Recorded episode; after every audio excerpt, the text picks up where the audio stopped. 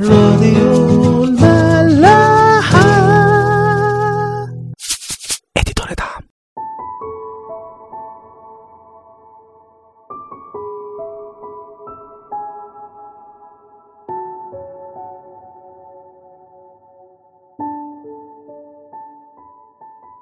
مساء الخير واهلا بيكم في حلقة جديدة من عيش وملح.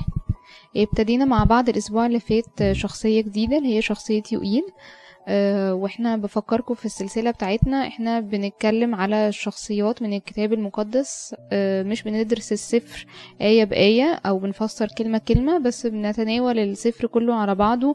الشخصية السفر كان إيه الهدف العام منه وهكذا. الهدف العام اللي خلى يوئيل يكتب السفر بتاعه أو النبوة بتاعته؟ كانت التوبة الجماعية هو كان الهدف العام اللي كان بيحاول يقوله توبوا لأنه اقترب ملكوت السماوات. وكان بيدعو للتوبة الجماعية. في أسفار تانية ممكن تبقى أو نبوات تانية بتدعو للتوبة الشخصية. يعني كل واحد إزاي يتوب لوحده في مخدعه. بس هو كان أكتر بيتكلم على التوبة الجماعية. حابة أبتدي معاكم بآية في سفر يوئيل الإصحاح الأول آية 15 بتقول آه على اليوم. لأن يوم الرب قريب. يأتي كخراب من القادر على كل شيء. فكروا إيه أول إحساس جالكم لما سمعتوا الآية دي؟ خوف فرح. هل جت في بالكم آية تانية؟ جايز حسيتوا إنه الآية فيها رعب شوية أو جايز ميكس بين الاتنين خوف على انبساط مع بعض. هسيبكوا ثانيتين كده وأرجع لكم تاني على طول.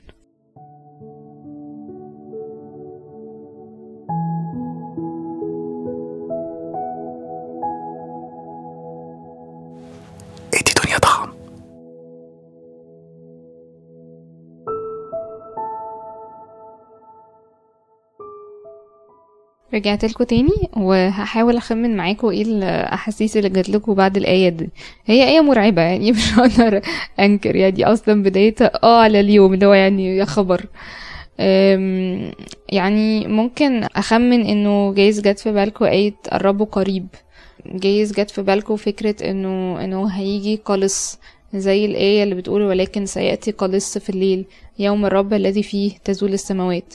دي آية موجودة في رسالة بطرس التانية إصحاح تلاتة آية عشر بس تفتكروا ربنا نفسه إن إحنا نحس بإيه لما نسمع حاجة عن اليوم الأخير أو يوم القيامة؟ أنا عارفة إن هي حاجة بالنسبة لأي إنسان هي مجهول فبالتالي أي مجهول بيخوف. بس يعني في آية عجبتني قوي في الموضوع ده. أظن هي من أكتر الحاجات اللي بتبين ربنا نفسه إن إحنا إيه اللي يجي في بالنا أو نحس بإيه لما نسمع آية بتتكلم عن اليوم الأخير أو يوم القيامة. هقرأ معاكم آية من رسالة بولس إلى أهل تسالونيكي إصحاح خمسة آية اتنين. الآية بتقول لأنكم أنتم تعلمون بالتحقيق أن يوم الرب قلص في الليل. هكذا يجيء. لأنه حينما يقولون سلام وأمان حينئذ يفاجئهم هلاك بغتة. كالمخاض للحبلى فلا ينجون.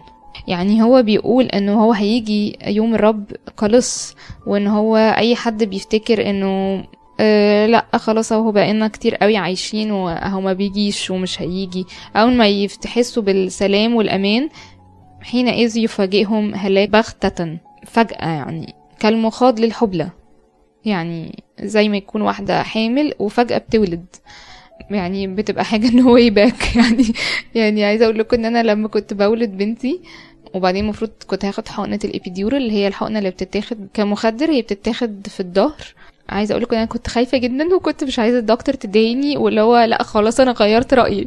أنا مش عايزة أولد. بس هو في الحقيقة ما, ما فيش option خلاص هو الموضوع جه فجأة وأنا هولد. ما أنا ما عنديش no way back يعني فعلا. عشان كده بيقول فلا ينجون. بس بيكمل بعد كده بيقول وأما أنتم أيها الإخوة فلستم في ظلمة حتى يدرككم ذلك اليوم كاللص جميعكم أبناء نور وأبناء نهار. لسنا من ليل ولا ظلمة. فلا ننم إذا كالباقين بل نسهر ونصحو. وبعدين بيكمل وأما نحن الذين من نهار فلنصح لابسين درع الإيمان والمحبة وخوذة هي رجاء الخلاص. عجبتني قوي صراحة خوذة الرجاء دي. يعني ربنا عايز يبقى عندنا رجاء لما نسمع عن اليوم الأخير. ربنا عايز يبقى نبقى إحنا مختلفين مش بنخاف زي حد هيجيله لص. لكن إحنا نبقى عندنا رجاء وواثقين ان إحنا هنبقى معاه وعايزين نبقى معاه. من أكتر الناس اللي في الإنجيل اللي لقيته بيتكلم عن الرجاء ده مش هتصدقوا مين. أنا أصلا ذهلت لما لقيت الآية دي. كان أيوب. أيوب اللي ده مر العذاب. يعني أيوب من أكتر الناس اللي أنا بشوفهم اتعذب عذابات صعبة. وجاله أمراض كتير وناس كلها اتخلت عنه وعذابات نفسية يعني فعلا كانت صعبة قوي. الغريب بقى إن لقيت مكتوب في سفر أيوب إصحاح 19 آية 25 آية حلوة قوي. أنا حابة أقراها لكم بالإنجلش وبالعربي لأنه هتتفهم أكتر لو حد بيحب الإنجلش. أنا كمان عايزة أشجعكم قوي. لو في أي حد حاسس إنه الإنجيل بالنسبة له العربي صعب هات إنجيل تاني عربي مبسط. أو اقرأ بلغة تانية لو أنت شاطر في لغة تانية أو بتحب تقرأ بلغة تانية. بس ما تسيبش نفسك حاسس دايما إنه الإنجيل صعب وأنا مش عارف أفهم منه حاجة وخلاص الموضوع خلص على كده. لأ ما خلصش. حاول تجيب نسخة تانية مبسطة. في عربي دلوقتي مبسط. حاول تجيب النسخة اللي بتبقى مقسومة مثلا عربي وإنجليش أو أي لغة تانية أنت شايف هتقدر تفهمها أكتر بس ما توقفش عند إن الإنجيل صعب. لأنه هيفوتك كتير. مكتوب في أيوب 19 إصحاح 25 أما أنا فقد علمت أن وليي حي والآخر على الأرض يقوم. وبعد أن يفنى جلدي هذا وبدون جسدي أرى الله الذي أراه أنا لنفسي وعيناي تنظران ليس آخر. إلى ذلك تطوق كليتاي في جوفي. هقرأ معاكم دلوقتي الإنجليش بتقول I know that my Redeemer lives and that in the end he will stand on the earth and after my skin has been destroyed yet in my flesh I will see God I myself will see him with my own eyes I and not another how my heart yearns with me لقيت حد كاتب بعد كده على الآية دي what a blessed hope we have يعني إيه الرجاء اللي عندنا ده؟ إيه الرجاء اللي كان عندك يا أيوب ده؟ في وسط كل اللي أنت شايفه ده بس أنت متأكد إنه أنت هتشوف ربنا. ودي الحاجة اللي أنت مستنيها. هو ده الرجاء إنه أنت دايما مستني حاجة. عارف إنه الحاجة اللي مخوفة الناس كلها بس هي بالنسبة لك مش مخيفة. أنت مستنيها ونفسك فيها. وواثق عندك رجاء إن أنت هتشوف ربنا في الآخر. طيب خلينا نرجع تاني ليوئيل وهقرأ معاكم حتة كمان عشان نشوف إحنا إزاي ممكن نعمل ده. لو أنا ما عنديش رجاء وأنا شايف إنه دي حاجة بعيدة قوي عني إزاي ممكن أعمل ده؟ هقرأ معاكم يوئيل اصحاح الأول آية 19 بتقول إليك يا رب أصرخ لأن نارا قد أكلت مراعي البرية ولهيبا أحرق جميع أشجار الحقل حتى بهائم الصحراء تنظر إليك. لأن جداول المياه قد جفت والنار أكلت مراعي البرية.